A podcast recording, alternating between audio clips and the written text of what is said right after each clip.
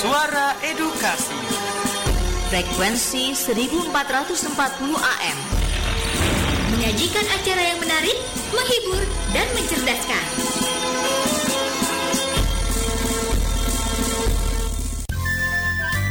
Waktu berputar dan perjalanan peristiwa pun berjalan. Ikuti terus info edukasi, sebuah informasi pendidikan dari Radio Edukasi. Info Edukasi, informasi pendidikan Radio Edukasi. Langsung dari Jalan RW Marta Dinata Ciputat 1440 AM Suara Edukasi Akrab dan Mencerdaskan. Halo Assalamualaikum warahmatullahi wabarakatuh. Selamat siang sahabat edukasi. Agung Rahmadi kembali menemani dan membawa informasi-informasi terkini Terupdate dari dunia pendidikan dan kebudayaan Dan tentunya sama-sama mengajak sahabat edukasi di luar sana Untuk sama-sama menjalankan 3M 3M itu apa?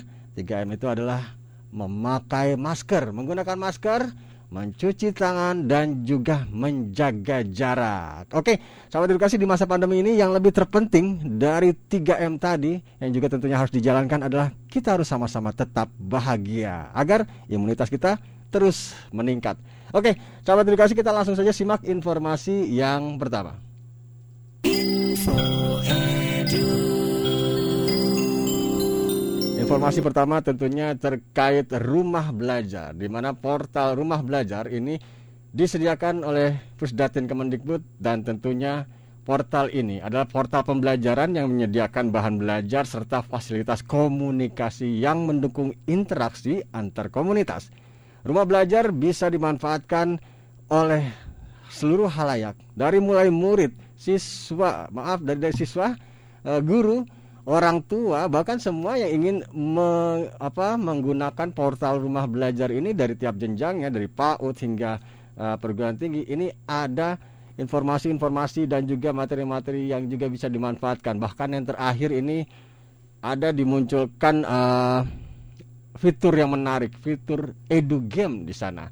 Dan tentunya portal rumah belajar ini adalah bentuk inovasi pembelajaran untuk era, era inovasi industri 4.0 dan tentunya yang lebih menarik tentunya rumah belajar ini memiliki para duta-dutanya. Duta-duta rumah belajar hadir dari semua provinsi untuk menjadi agen-agen perubahan di dunia pembelajaran terutama di masa pandemi ini. Ini portal rumah belajar sangat-sangat dibutuhkan dan tentunya sangat-sangat membantu untuk para siswa, guru dan orang tua tentunya di masa pandemi ini. Oke, seperti biasa, Info Edukasi juga hadir untuk menyapa Duta Rumah Belajar. Kali ini Agung Ramadi dan Info Edukasi tentunya akan terbang ke tanah Rencong, ke bumi Rencong. Kita sapa saja langsung. Halo, Assalamualaikum Ibu Ira, apa kabarnya? Waalaikumsalam, Mas Agung. Ya, sehat Alhamdulillah dari Aceh menyapa seluruh uh, uh, pendengar dari Suara Edukasi. Oke, Alhamdulillah. Ibu Ira, uh, yang juga ingin saya tanyakan kabar dan juga ini ceritanya sedang di sekolah ibu. Betul, ini saya sekarang berada di sekolah. Mm-hmm. Kita guru-guru di sini mengajarnya dari sekolah, siswa belajarnya dari rumah. Hmm. Seperti itu, Mas. Lalu uh, sudah masuk apa? Ini masih pembelajaran kah atau sudah masuk uh, tes-tes ujian seperti apa? Ya kita kemarin hari Selasa dua hari yang lalu itu baru saja menyelesaikan ujian tengah semester, Mas. Hmm. Jadi anak-anak ya, ini sudah selesai, guru-guru sedang merekap nilainya, melakukan remedial, ya, yeah. kemudian mengumpulkan sebagai laporan ujian tengah semester. Hmm. Ya, dua hari yang lalu baru selesai mengerjakannya. Hmm. Nah, Ibu, ujian tengah semester di masa pandemi ini jadinya seperti apa, Ibu? Bisa diceritakan untuk mungkin uh, Ibu mengajar uh, bidang studi bahasa Inggris, betul ya, Bu ya? Betul, betul, Mas. Di SM, SMA, SMP? Di SMK Negeri 8 Lok Semawe. Oke, SMK di Lok Semawe. Seperti apa Bu jadinya Bu masa pandemi ini UTS-nya?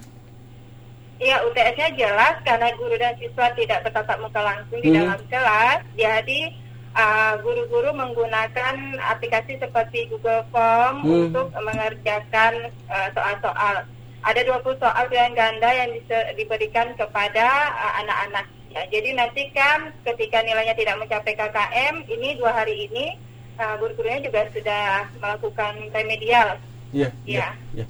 Ada tantangan apa sih Bu kalau di di uh, lokasi tempat Ibu mengajar tantangan uh, mungkin sinyal atau atau bahkan juga mungkin uh, bagaimana uh, tingkat kesehatan titik merah di sana itu sendiri seperti apa ibu di masa pandemi ini? Iya, iya, ya. Jadi Mas Agung kita Aceh kan pada awal-awal ketika uh, isu pandemi ini sangat uh, apa meningkat menelan banyak korban, mm -hmm. kita di Aceh kan pada saat itu masih zona hijau. Artinya, hijau betul ya. Iya, tapi yang sayangnya ini juga jadi apa ya, jadi masukan kepada kita masyarakat Aceh ini mm -hmm. sudah banyak yang jatuh korban mm -hmm. dari uh, mengidap atau terkena dari COVID-19 mm -hmm. ini, Mas. Iya, yeah, iya. Yeah. Ini sudah lebih banyak ini uh, kita dulu sempat hijau tapi ini sudah ada beberapa kota kabupaten yang sudah merah saat ini. Jadi betul-betul yang 3M tadi yang Mas Agun sempat uh, be, apa sampaikan di awal-awal pembukaan acara kita ini mm -hmm. ya mhm. itu harus betul-betul kita laksanakan. Ibu uh, terkait duta rumah belajar, ini kita sedang menjalani pembatik level 4 nih. Sepertinya Betul, uh, ya. ini ini sangat menarik dan Aceh sepertinya sudah mulai Bu ya di awal ya Bu ya. Ceritanya seperti apa Bu? Pembatik level 4 di Provinsi Aceh. Iya, baik Mas Agung, uh, Aceh dan beberapa provinsi lain seperti uh, Yogyakarta dan juga Banten uh mhm. -huh. itu adalah termasuk di angkatan satu untuk pelaksanaan hmm. pembatik level 4. Iya. Itu diselenggarakan dari hari Senin sampai Rabu 21 sampai 23 September. Jadi baru saja kemarin uh, penutupan untuk kegiatan. Ya. Dan yang paling menariknya Mas Agung ini ya. semua peserta yang 30 peserta ini semuanya semangat-semangat. 30 sudah 30 peserta yang terseleksi dari 3.700 lebih dari Masya Allah. banyak sekali. Alhamdulillah tahun ini kita masuk lima besar untuk jumlah peserta paling hmm. banyak di Indonesia yang mengikuti pembatik uh, tahun 2020 mas. Oke. Okay, okay. dari 3.700an peserta di level 1 hmm. mengkerucut tinggallah 30 peserta di level 4 ini. Dan mereka pada semangat sudah mulai beraksi nih mas. Iya. Ada yang berkoordinasi Betul. dengan uh, betul. kepala dinas, kepala cabang dinas, kepala dinas pendidikan kota. Betul betul. Sudah ada mereka nge-share foto-foto di grup. Betul. semuanya pada semangat. Betul betul betul. Nah bicara tentang sudah mulai berkoordinasi uh, dengan dinas. Uh, supporting atau dukungan uh, terkait terutama dalam hal tantangan nih tantangan uh, yang terjadi di setiap daerah pasti terjadi tantangan kalau dukungan dari dinas sendiri dinas pendidikan kah atau pemerintah daerah seperti apa ibu di dunia pendidikan yang ada di Aceh untuk saat ini di pembukaan kegiatan coaching kemarin mm -hmm. coaching pembatik level 4 yang dihadiri oleh kepala dinas pendidikan provinsi Aceh dan juga kepala LPMP uh, sudah disebutkan di kegiatan itu bahwa Aceh tahun demi tahun meningkat, meningkat untuk ya. uh, uh, meningkat di uh, dunia pendidikannya. Hmm. Uh, terbukti dari begitu antusias dan jumlah peserta yang banyak di level 1 itu luar biasa untuk Aceh. Ya, ya itu salah satunya. Uh, di, ada lagi dengan uh, kita lihat uh, apa semangat yang menggebu-gebu hmm. dari peserta itu 30 peserta itu pada semangat semua nih mas. Iya. Jadi sudah mulai berkoordinasi, sudah mulai buat flyer, ya sudah Betul. mulai aksi di media sosial. Hmm. Oh, pokoknya luar biasa deh. Oke deh, semoga sukses teman-teman sahabat uh, rumah belajar yang juga tengah menjalani pembatik di level 4 ini. Kita sih semuanya bisa menjadi duta ya tentunya ya. Oke. Iya. Ibu, untuk menjadi duta adalah bonus ya. Betul. Semangat untuk terus bergerak dari para peserta ini memberi kontribusi untuk dunia pendidikan, terutama hmm. untuk anak-anak didik kita ini yang harus ditanamkan bagi hmm. peserta-peserta kita ini. Oke, okay. nah, ya. saya garis bawahi untuk jadi ya betul untuk jadi duta adalah se ya untuk jadi duta adalah bonus itu saya garis bawahi. Bonus artinya ya, ya. kita sama-sama bisa menjaga membangun Indonesia di dunia pendidikan tentunya. Oke terakhir Bu Ira uh, pesan-pesannya apa? Dan ya. juga uh, yang bisa disampaikan pendengar uh, sebagai closing statement silakan. Ya ini uh, closing statementnya sebagai seorang guru ya. Betul. Ya jadi uh, pesan saya sih di tengah pandemi COVID-19 ini setiap guru yuk kita bergerak bersama-sama bagaimana caranya kita tetap melakukan pembelajaran yang inovatif, yang kreatif untuk memastikan bahwa pembelajaran itu terjadi, untuk memastikan bahwa anak-anak kita ada perubahan sikap baik itu secara kognitif, psikomotorik ataupun afektif. Jadi jangan kita menyerah dengan keadaan. Kita harus optimis bahwa meskipun kita sedang diuji dengan pandemi ini, tetapi anak-anak kita dengan semangat yang tumbuh dari para guru mengalir menyebar kepada siswa-siswa sehingga mereka pun bisa belajar meskipun dari rumah seperti itu mas. Oke, keren. Terima kasih banyak Ibu Yayuni Sari, Duta Rumah Belajar dari. Aceh. Sukses terus ya Ibu ya. Salam untuk teman-teman di sana. Sama-sama mas. Salam. Assalamualaikum warahmatullahi wabarakatuh. Waalaikumsalam, terima kasih Mas Agung. Sama-sama. Oke, sahabat edukasi kita sedang ngobrol-ngobrol dengan Ibu Ira Yunisari. Ini duta rumah belajar dari Provinsi Aceh, eh, Tanah Rencong. Ini sebuah tempat yang indah juga nih sahabat edukasi. Saya pernah ke sana dan apa namanya? eh, lingkungannya, alamnya juga sangat indah. Walaupun saya tidak sempat nyebrang ke ke apa namanya Sabang, Pulau Sabang sana. Namun eh, sudah terasa eh, serambi Mekah di sana. Jadi artinya eh, kita khusyuk sekali. Kebetulan saat itu sedang eh, bulan suci Ramadan saya ke sana dan Ramadan terasa lebih Ramadan di Provinsi Aceh. Dan sahabat edukasi kita kembali berbicara tentang portal rumah belajar dan juga tentunya pembatik level 4. Ini eh, pembatik level 4 tentunya merupakan apa fase-fase yang dimiliki untuk eh, jadi duta rumah belajar. Seperti tadi diungkapkan Ibu Ira, menjadi duta rumah belajar adalah bonus sahabat edukasi. Namun yang lebih terpenting ini adalah tentunya eh, mengabdi kepada negeri ini me- menjalankan tugas-tugasnya sebagai guru untuk siswa-siswanya bisa lebih berkembang maju lagi ini adalah tugas-tugas utama yang yang sama-sama kita jalankan terutama untuk meningkatkan eh, pendidikan di masa pandemi ini. Jangan kita menyerah. Tadi ibu Bu Gira menyebutkan seperti itu dan kita tentu sama-sama setuju untuk closing statement seperti itu. Oke sahabat edukasi masih ada satu informasi pendidikan di info edukasi tentunya. Dan ke mana-mana suara edukasi akan kembali setelah yang satu ini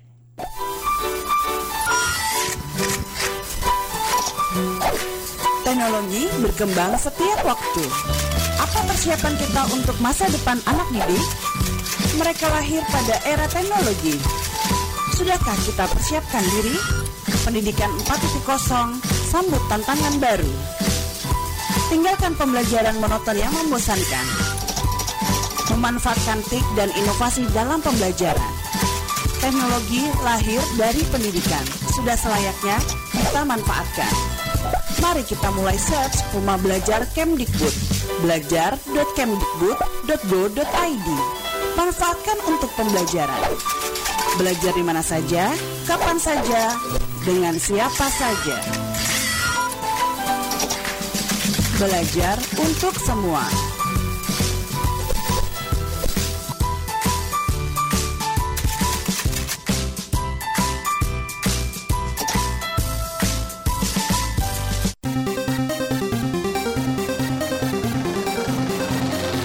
Suara edukasi yang akrab dan mencerdaskan.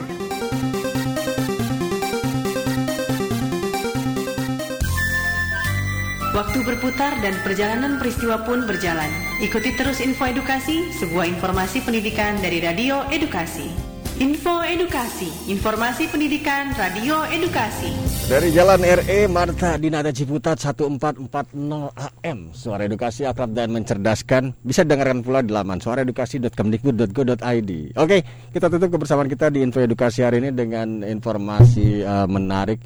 Ini informasi lomba yang eh, dilaksanakan tentunya oleh Kementerian Pendidikan dan Kebudayaan Yaitu FLS 2N 2020 Ini dengan semangat berkarya seni di tengah pandemi Festival dan Lomba Seni Siswa Nasional FLS 2N Jenjang SMA tingkat provinsi di 2020 ini sudah selesai dilaksanakan. Dengan para pemenang di tingkat provinsi ini tentunya melanjutkan perjuangan di tingkat nasional di 28 September. Tentunya ter- berlangsung pula hingga 4 Oktober 2020. Penyelenggaraan FLS 2N ini memang berbeda dari tahun-tahun sebelumnya. Di tengah situasi pandemi COVID-19, peserta mengikuti setiap proses kompetisi tidak dalam sebuah gedung atau panggung pentas, melainkan dari rumah masing-masing. FLS 2N 2020 digalangi oleh Pusat Prestasi Nasional dan tentunya PLT Kepala Pusat Prestasi Nasional Asek Sukmayadi yang juga pernah berbicara langsung dengan Suara Edukasi ini uh, mengatakan mulai tahun ini kegiatan-kegiatan lomba untuk siswa seluruh Indonesia diselenggarakan uh, banyak yang dilakukan melalui daring dan semuanya itu tidak menutup uh, semangat para siswa, para mahasiswa untuk berkompetisi dengan baik. Untuk FLS 2N di 2020 tahun ini tema yang diusung adalah berprestasi, unggul dan mendunia. Tema ini menyiratkan harapan agar para siswa dapat menggali budaya lokal dalam berkarya seni yang selanjutnya dapat diterima pada tingkat global. Artinya, siswa diharapkan dapat mencapai kompetensi tertinggi dalam suatu bidang dengan pilihannya tentunya yang cakap dan terampil. Sehingga kemudian siswa-siswa tentunya bisa mengepakkan sayap untuk dikenal luas dan menjadi milik dunia. Dan sahabat edukasi, di masa pandemi ini memang semua lomba pilihannya adalah dilaksanakan secara daring. FLS 2N merupakan sebuah kompetisi yang bertujuan untuk memfasilitasi bakat, minat, prestasi peserta didik di bidang seni dan perhelatan ini jadi agenda rutin yang diselenggarakan oleh Kemendikbud setiap tahunnya yang tahun ini ini sudah memasuki tahun ke-17. Ada dua bidang seni dilombakan di FLS 2N yaitu seni pertunjukan dan seni penciptaan. Untuk bidang seni pertunjukan peserta dapat memilih lomba baca puisi, gitar solo, monolog, tari kreasi, vokal solo. Sementara untuk di bidang penciptaan terdiri atas lomba desain poster, film pendek, kria, dan komik digital. Untuk masa unggah karya dibuka dari 17 Agustus sampai 12 September 2020 sedangkan di, di tanggal 16 sampai 20 September 2020 dilakukan penilaian atas karya-karya peserta di tingkat provinsi. Sebanyak 12.879 siswa ini mengikuti FLS 2N jenjang SMA tingkat provinsi yang kali ini cukup mengejutkan antusiasme peserta tinggi sekali untuk mengikuti lomba secara daring. Sebagaimana terlihat dari banyaknya jumlah peserta lomba tersebut, Selain mewakili seluruh provinsi, ada yang berbeda di kepesertaan lomba tahun ini, yaitu keikutsertaan sekolah Indonesia luar negeri milik Kemendikbud yang berada di 13 negara. 11 peserta dari 9 bidang seni terpilih untuk mewakili provinsi masing-masing dan zona SILN. Sehingga total peserta tingkat nasional adalah 385 siswa. Dan tentunya Meski tidak hadir langsung untuk berkompetisi dan tampil di hadapan para juri, tentunya harapan dari semangat semua peserta bisa menunjukkan prestasi terbaik, tidak menyurutkan oleh situasi pandemi ini. Oke, sahabat edukasi tuntas sudah kebersamaan kita di Info Edukasi hari ini. Selain ada program lain yang juga menarik untuk tetap disimak, menarik untuk tetap didengarkan hanya di Suara Edukasi Akrab dan Mencerdaskan. Dan sahabat edukasi, kembali chatting uh, closing closing kali ini kita terus sama-sama lakukan 3M. Memakai masker, mencuci tangan dan menjaga jarak. Oke, aku Ramadi pamit. Wassalamualaikum warahmatullahi wabarakatuh. Bye bye.